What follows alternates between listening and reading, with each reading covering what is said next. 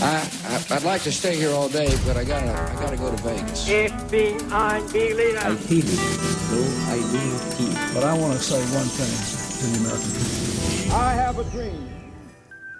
Velkommen til dagens Globus-sending her på Radio Revolt. Globus er Radio Revolts utenriksprogram, og vi skal prøve å lede deg gjennom hva som skjer i verden i dag. Eh, Jeg heter Sigmund Grønli Bolme. Med meg i studio så har jeg Niklas Audrey og Martine Ellefsen. Eh, Vi har blant annet fått eh, intervjua professor fra NTNU Tore Tingvold Pettersen i dag. Og vi skal snakke ganske mye om Libya. Så følg med framover.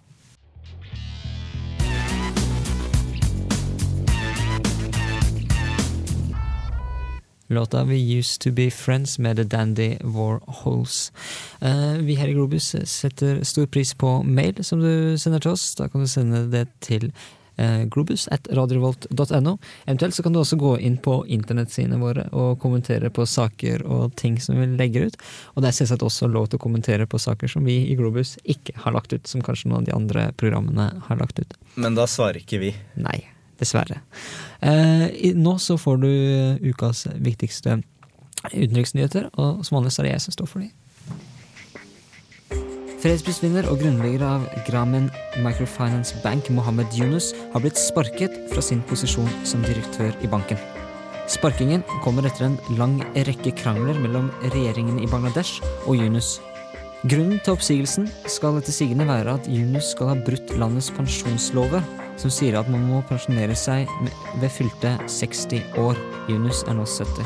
Men flere hjelpeorganisasjoner hevder at oppsigelsen er tvunget fram av Bangladesh regjering, som eier 25% av Grameen-banken. Mikrokreditt er ment å gi små, fattige låntakere en mulighet til å ta opp lån uten å bli utnyttet av de store bankene. Men systemet har fått kritikk etter at det ble kjent at noen banker har underslått penger, og at flere av de små låntakerne faktisk har blitt utnyttet. Minoritetsministeren i Pakistan, Shabas Bhatti, ble skutt ned på gaten i Islamabad i dag. Han var på vei tilbake til- jobb da bilen ble skutt på av ukjente gjerningsmenn. Bhatti, som er regjeringens eneste kristne minister, har tidligere fått dødstrusler for å ville forandre på Pakistans strenge blasfemilov. I januar ble guvernøren i Pakistans Punjab-region skutt og drept av livvakten sin, etter at han gjorde det kjent at han også støttet reform av Pakistans blasfemilov. Pakistan har de siste årene slitt med et stadig økende antall islamister og radikale muslimer, bl.a. som en konsekvens av krigen i Afghanistan. I New Zealand har redningsarbeidet etter jordskjelvkatastrofen i landet bremset opp. Sterke vinder og sandstormer i ruinene gjør det vanskelig å hente fram alle dem som døde i jordskjelvet. Jordskjelvet betegnes som New Zealands verste naturkatastrofe noensinne, og til nå så er 160 mennesker erklært døde. Politisjef Dave Cliff antar at dødstallet kan komme opp i opptil 240. Det er beregnet at så mye som en tredjedel av byen Christchurch ble ødelagt av jordskjelvet. I Libya skal tropper lojale til oberst Gaddafi ha gjenerobret deler av byen Brega, som ligger sør for Libyas andre største by, Benghazi. Benghazi er blitt senter for opprøret mot oberst Gaddafi.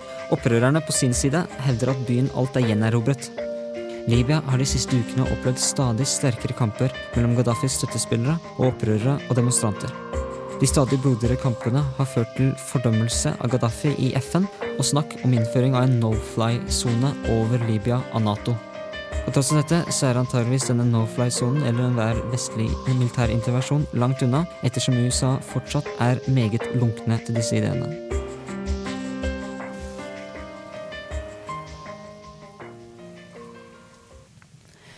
Var utenriksnyhetene her eh, i, på Globus.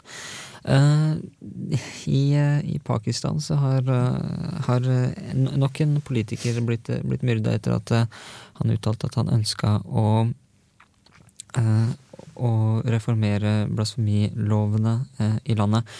Og hva, hva tror du, Niklas? Er, er det mulig for Pakistan i det hele tatt å, å reformere den sterke muslimske eh, o- o- oppveksten som vi, vi ser eh, i, i landet?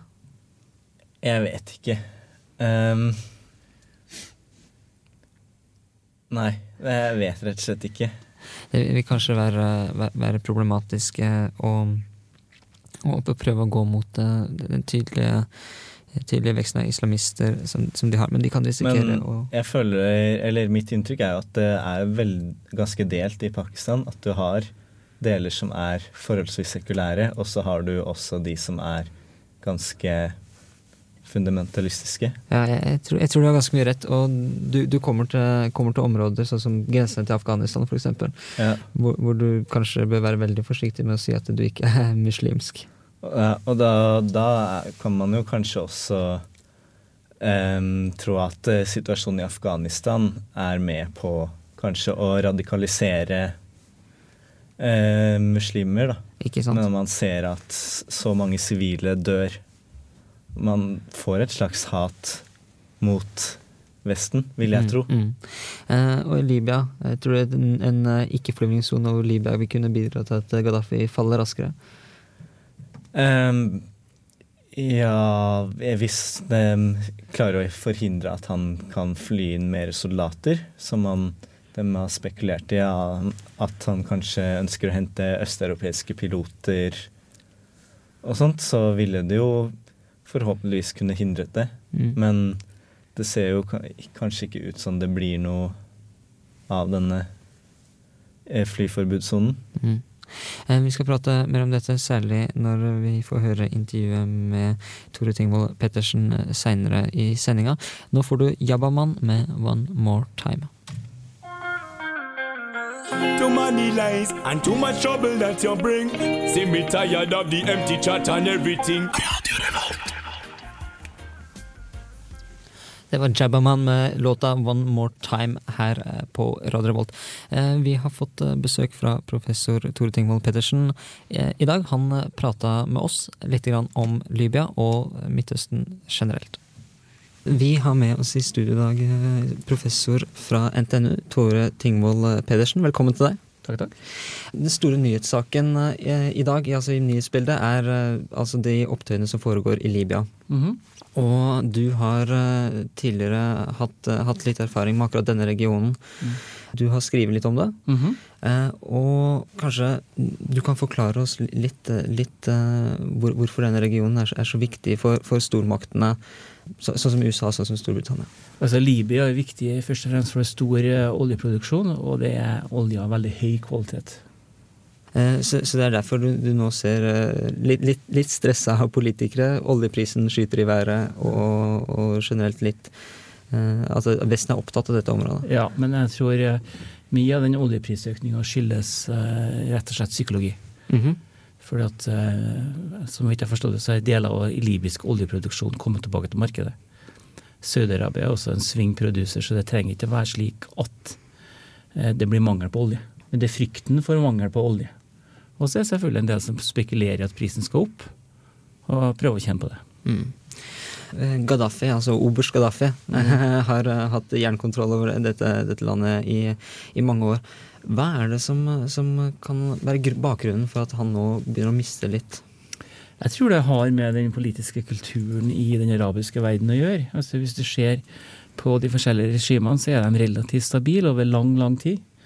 Altså Regimet til Mubarak hadde vart i nesten 60 år. Eh, Gaddafi har sittet i godt over 40 år. Og det ser ut som at eh, eh, den politiske kulturen er sånn at eh, det er stabilitet over lengre tid, og så bryter ut opptøyer. Når regimet på en måte fossiliseres. Eller Altså- regimene fossiliseres. Spilt ut sin rolle. Ja, å miste den revolusjonære gløden. og Ofte er det jo slik at de tar makta med hjelp av massiv vold. og Det husker jo første og andre generasjon, men tredje generasjon har jo ikke noe minne om det der. Nei. Uh, Gaddafi han, han gikk ut uh, i BBC i går og sa at han, han føler seg forrådt av Vesten. Eh, kan, kan, kan, det, kan det være noe i det? Han, de siste åra, så et, Etter 2003 så er jo han på en måte blitt, eh, blitt litt venner med Vesten etter at han ga opp atomprogrammet sitt Mm. og ga fra, seg, fra, ga fra seg det han hadde av, av sentrifuger og, og planer. Altså Fra hans perspektiv så eh, kan det kanskje være slik. Mm. Og også når Gaddafi kom til makta, så ble han jo beskytta av USA. De advarte jo kuppmakere to ganger mot Gaddafi i 1670, og varsla Kadafi en tredje gang at det var en bestemt gruppe som prøvde å begå kupp. Eh, Og så har det jo forholdet blitt forsura. Men den kan jo mulig ha noen illusjoner om at han er høyt elska i Vesten. Selv om han er blitt akseptert. Så, så det her er rett og slett et, et, et litt propagandautspill, da? At han, Ja, jeg vil jo se det sånn. ja.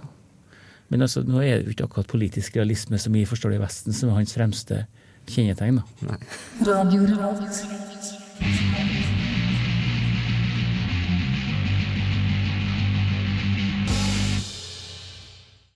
Låta 'Going Steady' med 'Death From A Bow'. Eh, vi er fortsatt eh, på Libya, og vi skal fortsette intervjuet med professor Tore Tingvold Pedersen.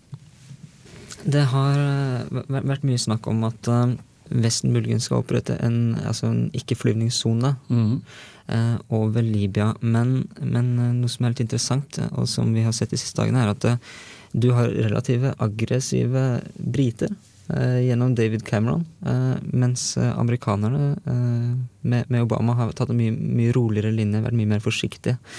Eh, Hvor, hvorfor det? Hva, hva, hva tror du er bakgrunnen for Jeg kan jo eh, oppdatere meg på Cameron, for sikkerhets skyld. Eh, han eh, har eh, sagt at eh, de, all, alle muligheter er på bordet, og at eh, de vurderer militære Det sa jeg jo også USA i går. Ja, men, men de, de sier Mindre at aggressivt. Mi- Mindre aggressivt. ok. Forskjellige måter å si det på. Ja, jeg tror nok at prinsippet er det samme, at vi ikke utelukker militær intervensjon. For britenes del er det jo selvfølgelig at det, så vidt jeg vet, men det kan jo være at det endra seg siden jeg kikka på det i forskningssammenheng, mm. så har British Petroleum en stor rolle i Libya. Mm. Og så er det jo også vært eh, tradisjonelt mange briter som har bodd i Libya. Også under Gaddafis beste, verste, eller beste eller verste periode, ettersom det skjer. Så det kan jo også det med for Cameron. Og så er det jo at Cameron i tillegg da har jo hatt en del uheldige utenrikspolitiske utspill. Så det er kanskje hans måte å få fremstå som sterk. Mm. Så jeg skal vise at han, eh, han Han er har- sterk eh, Han har, statsminister. han har kontroll. At han tar ledelsen. Ja. For det, det, han har fått mye kritikk for måten han bl.a. eh, fikk i gang ev evakueringa av eh, britiske eh, Mm. nasjonale Og da innbyggere. kan du jo ta igjen det der på, ved å vise styrke på andre områder. Mm. Og Han er jo veldig sterk på retorikk, da. ja. og amerikanerne er kanskje ikke villige til å gå inn i nok en, eh, en eh, krig i Midtøsten. Altså, jeg er jo veldig kynisk til sånne ting. og eh, Hvis du ser på Libya, så er det jo stor, storparten av befolkninga er jo bosatt langs kysten. Mm. Resten er ørken. Mm. Og vi som har lest litt om andre verdenskrig, vet jo at både briter og tyskere boltra seg der i, med store panserdivisjoner. Så militært sett så kan det ikke være noe problem å invadere Libya. Men som amerikanerne oppdaga i Irak, så er det kanskje litt problem å okkupere det. Mm. Som du sier, så har Gaddafi, Gaddafi hatt makten, eh, ganske eh, Mm. god kontroll over dette landet i mange år. Eh, hva er maktbasen hans? Altså, Det er helt åpenbart at han har hæren på sin side. Mm. Han har enorme oljeinntekter. Mm. Og så har han vært i stand til å bruke Jeg var ikke klar over for det siste den, hvor stor betydning stammene har i Libya. Så har han effektivt spilt de forskjellige stammene mot hverandre. Og så er det selvfølgelig koblet, bestikkelse er kobla med massiv bruk av vold og terror. Mm. Jeg så i avisene i dag at eh, sykehuset i Benghazi så var det masse mennesker eller på likhuset som lå med kuler i panna. Altså skutt av Gaddafis snikskyttere. Mm. Jeg har aldri hørt om noen andre diktatorer som har brukt flyvåpenet mot sitt eget folk, f.eks. Eh, og det er også eh, litt, litt av det som ligger kanskje bak, bak Vestens eh, snakk om å innføre en fly, no-fly-sone. Det vel to grunner. Det ene det som vi snakka om, det andre er at det sies at Gaddafi får afrikanske levetropper fløya inn som kan slå i hjel sier hans libyske statsmann. Mm. Og vi, vi prata litt om, eh, om nettopp leiesoldatene i forrige program, faktisk. Mm. Eh, og, og det å bruke leiesoldater mot, mot sitt eget folk, det er ganske drastisk uh, Ja. virkemidler. Men altså, hvis det er et stammesamfunn, så unngår det jo direkte blodhevn. Ja. Hvis det er folk utafra som kommer. Og så, eh, som du ser, de leiesoldatene som blir tatt, de blir jo behandla relativt røft. Så de har jo eh, all grunn til å støtte Gaddafi. Ja, så det, Og det å fortsette ikke bare for å få lønn, men for å overleve, rett og slett. ikke sant? Mm.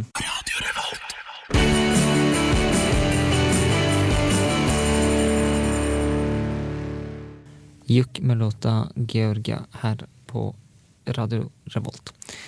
Eh, vi fortsetter rett og slett eh, bare intervjuet vårt med Tore Tingvold Pettersen.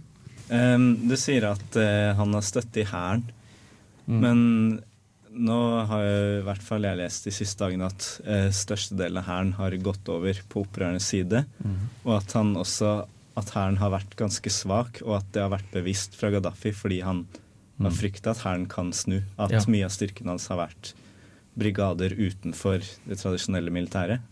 Men nå, nå snakka vi litt forbi hverandre, for han spurte om maktgrunnlaget til Gaddafi. Mm. Og da sa jeg hæren. Okay. Ja. Og i dag så er det klart at hun førte jo rett etterpå så er det tydelig at deler av hæren ikke er på Gaddafis side. Men da, han, han var jo opprinnelig kaptein i den libyske hæren. Mm. Og så ble han forfremma til oberst etter kuppet. Og det er jo det som er poenget i Egypt, f.eks., hvis du skal dra paralleller. At eh, det har ikke noe hensikt å snakke med generalene og oberstene i, i Egypt. Du må snakke til kapteinene og majorene. For det er der eventuelt eh, endringene vil ligge.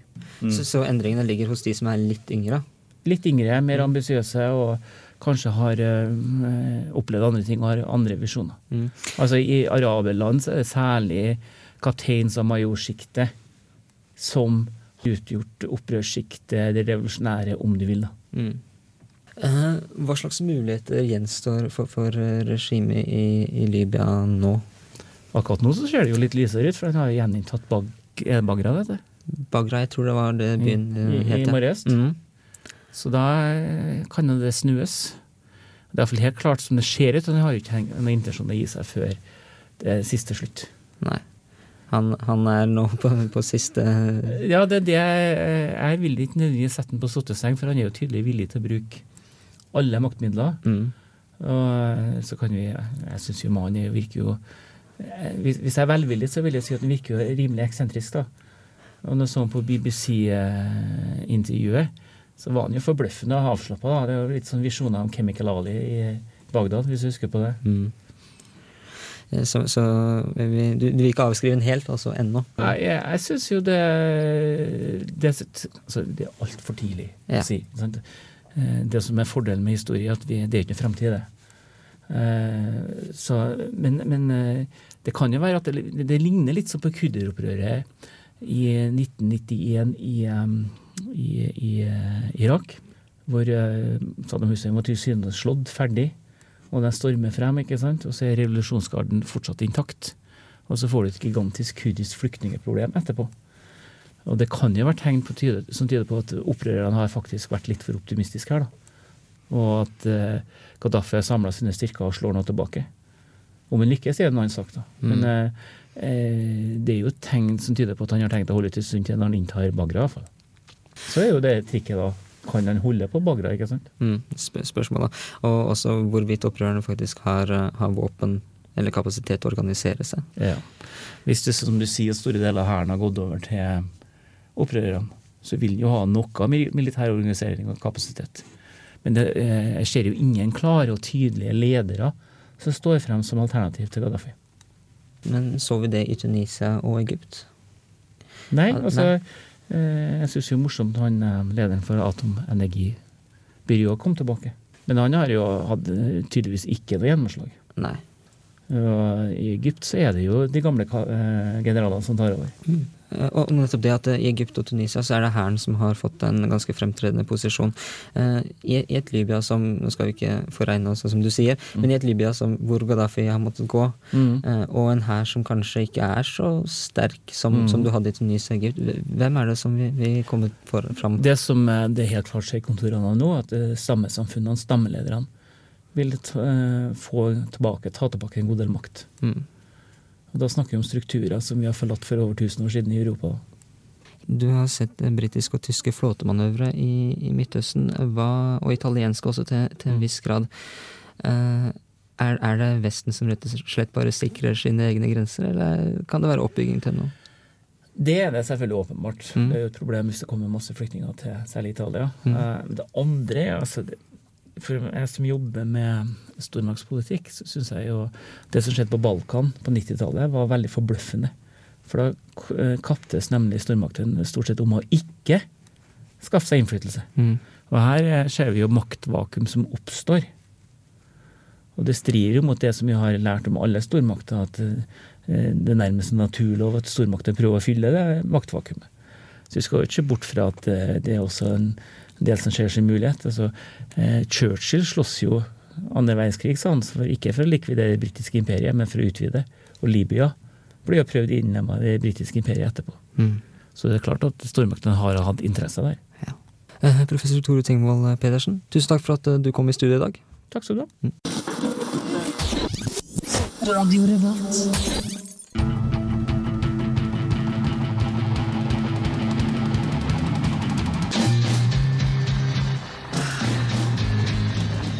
Kjære tilhørere, kjære kamerater.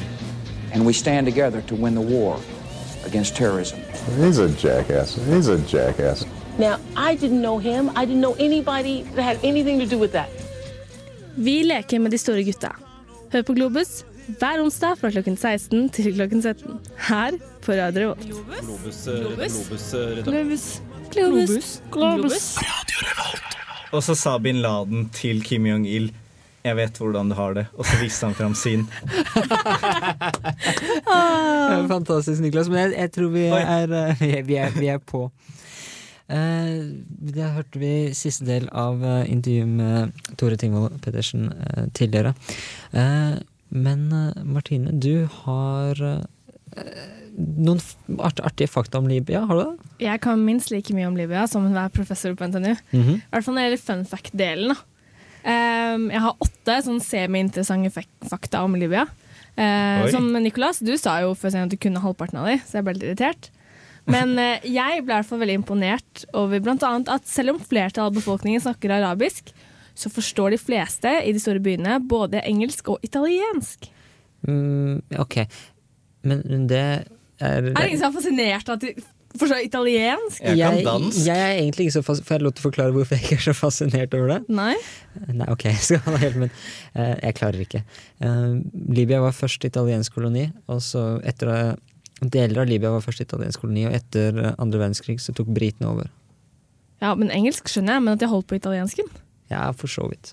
Jeg må muy veld, veldig interessant. Men noe enda mer interessant er at de importerer over 75 av all matvarene de spiser. Det er interessant. Det er veldig interessant. Eh, så landet har egentlig ikke mulighet til å opprettholde den befolkningen de har. Nei, men det er jo også veldig vanskelig for de å, å dyrke matvarer pga.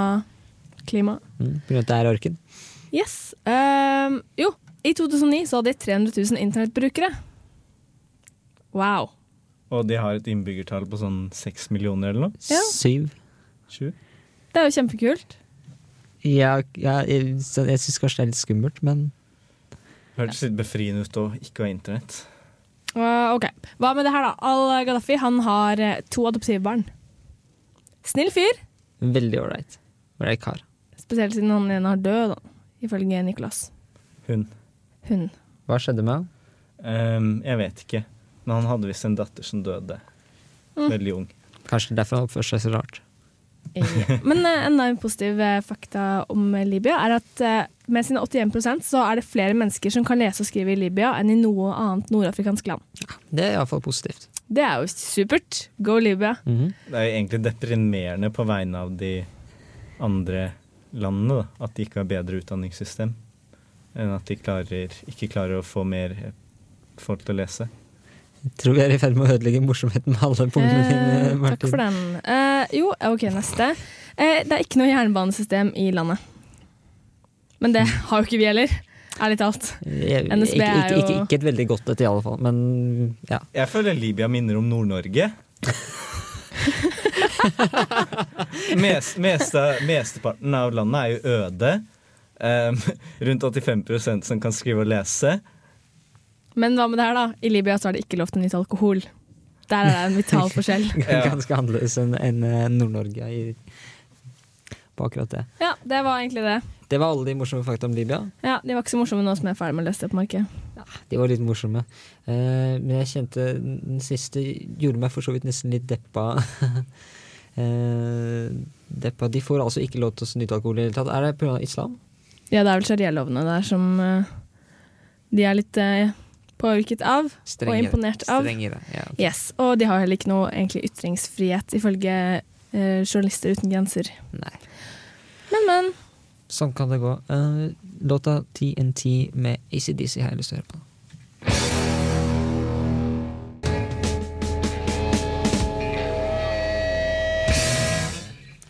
ACDC der med TNT. Niklas? å veive med armene når du sier det. Jeg var, jeg var godt inne i sangen. Eh, Niklas, du har snakka du, du har snakka Du skal snakke litt om, eh, om Bøy eh, verbene dine, Sigmund. Voldsomt. Skal, skal snakke litt om eh, Gaddafi og hans syn på opptøyene som foregår i Libya nå. Ja, for det sies at det ikke er ytringsfrihet i Libya. Men det er jo i hvert fall én som får ytre seg ganske mye. Det, det, det, er, er, det, er, alles kjære oberst, eller? Ja, han har vel egentlig er, Bruker han obersttittelen? For han sier jo at han ikke har noen tittel. Oberst er det eneste tittelen han har. Ja, men jeg tror han prøver å underkommunisere den litt. Det er mulig. Nå skal vi i hvert fall høre hva Niklas har å si om Gaddafi og Gaddafis eh, syn på opprørerne i Libya. Bet, bet! دار دار زنقة زنقة فرد فرد حتى تطهر البلد Libyas diktator Muammar al-Gaddafi bekrefter i en TV-tale at demonstrantene i landets store byer hovedsakelig er unge narkomane. Ettersom utenlandske journalister lenge ikke fikk slippe inn i landet, og fortsatt advares mot å bevege seg inn i de områdene regimet fortsatt kontrollerer, har det vært vanskelig å verifisere tidligere opplysninger om situasjonen i landet. Tidligere har Gaddafi rapportert at demonstrantene var rotter og kakerlakker, mens før dette igjen har flere medier hevdet at demonstrasjonene faktisk var startet av libyske menn og kvinner som ønsket utvidede friheter og rettigheter. De rusede ungdommene, som etter hvert har klart å ta kontroll over østlige deler av Libya og beveger seg stadig nærmere hovedstaden Tripoli, skal ifølge Gaddafi ha mottatt dop fra terrornettverket Al Qaida. Dopet det dreier seg om, skal være hallusinogener i pilleform. Dette kan også være årsaken til at flere demonstranter hevder å ha sett jagerfly skyte mot opprørere og biler som kjører rundt i gatene for å fjerne døde kropper. Årsaken til at Al Qaida deler ut dop, skal være at Osama bin Laden ønsker å drepe unge libyere. Ifølge Gaddafi gir dette mening. Gaddafis sønn, Sadi Gaddafi, som annet har en karriere som fotballproff i Italia bak seg, forteller at det er normalt å gjøre opprør. Det som derimot ikke er normalt, er at opprørerne misbruker narkotiske stoffer. Narkotika er nemlig svært skadelig for kropp og sinn, forteller han, og dette bør han ha greie på. Sadi Gaddafi er nemlig kjent for sin utagerende festing, inkludert bruk av alkohol og narkotiske stoffer, og ble tatt for ulovlig doping etter å ha brukt stoffet nandrolon. Å slå ned på demonstrasjoner bestående av narkomane skulle i utgangspunktet være en lett jobb for Libyas militærstyrker. Dessverre har soldatene utvist svært liten viljestyrke i møte med dopet som demonstrantene frister med. Stadig flere militære slutter seg til de narkomane, og det meldes at hele hæren nå har blitt avhengig av narkotiske stoffer. Farene ved å misbruke narkotiske stoffer illustreres best ved jagerflypilotene som i rus fløy seg vill og endte opp på Malta, i Middelhavet. For å få bukt på det store problemet har Gaddafi ansatt fattige leiesoldater, hovedsakelig fra Tsjad, for å gjenopprette lov og orden. Fordelen med å ansette fattige er at de ikke har råd til dop i det som er et av Afrikas rikeste land, og er dermed ikke et mål for dopdealere som hovedsakelig er ute etter økonomisk gevinst. Ulempen er at de ikke er spesielt dyktige. Det gjenstår å se hva utfallet av opprøret i Libya blir. Selv om han har mistet støtten fra det militære, har Gaddafi fortsatt lojale soldater i brigader utenfor hæren, marinen og flyvåpenet. Blant annet vil demonstrantene måtte nedkjempe Gaddafis gruppe av topptrente kvinnelige livvakter. Men det spørs om rusede, frustrerte menn i et muslimsk land i Nord-Afrika har hørt at man ikke skal slå kvinner.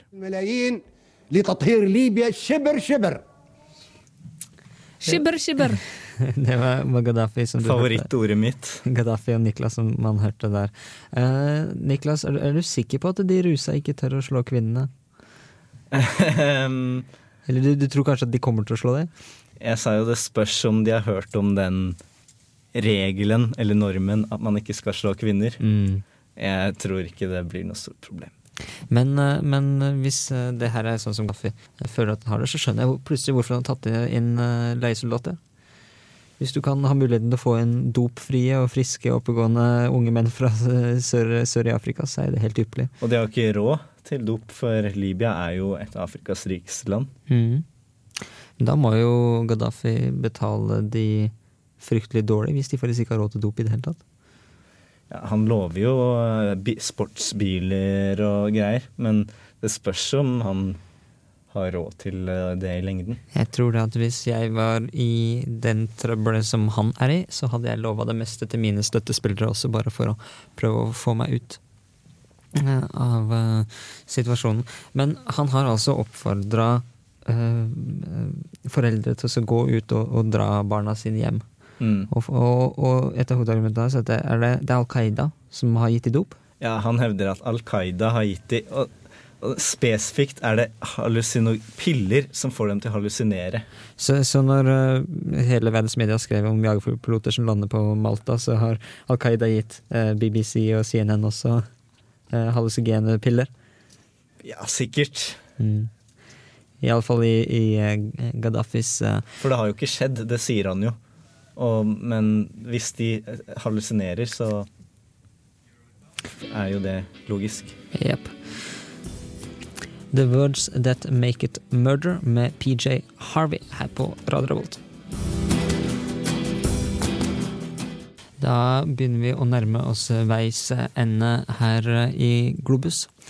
Eh, vi eh, har sett litt på situasjonen som eh, Vi har faktisk vært inne og kikka litt på situasjonen som foregår i Libya nå. Det ser ut som uh, britene og franskmennene faktisk kommer til å evakuere uh, flere my Mye av de egyptiske flyktningene som er på grensa til Tunisia. Vi håper vi får de trygghet. Og det opprørerne ser nå ut til å ha åpna for internasjonale luftangrep på Gaddafi sine styrker, noe som faktisk er helt nytt. Tidligere så har de sagt at de vil klare det sjøl. Jeg regner med at folk følger med videre ettersom denne situasjonen utvikler seg. Globus i dag er ferdig. I studio så har du hørt Sigmund Grønli Bolme. Med meg så har jeg hatt Nicolas Sotry. Og Martine Ellefsen. Vi takker for oss her i Globus, og så håper vi du følger med neste gang. Ha det! Ha det bra! Ha det.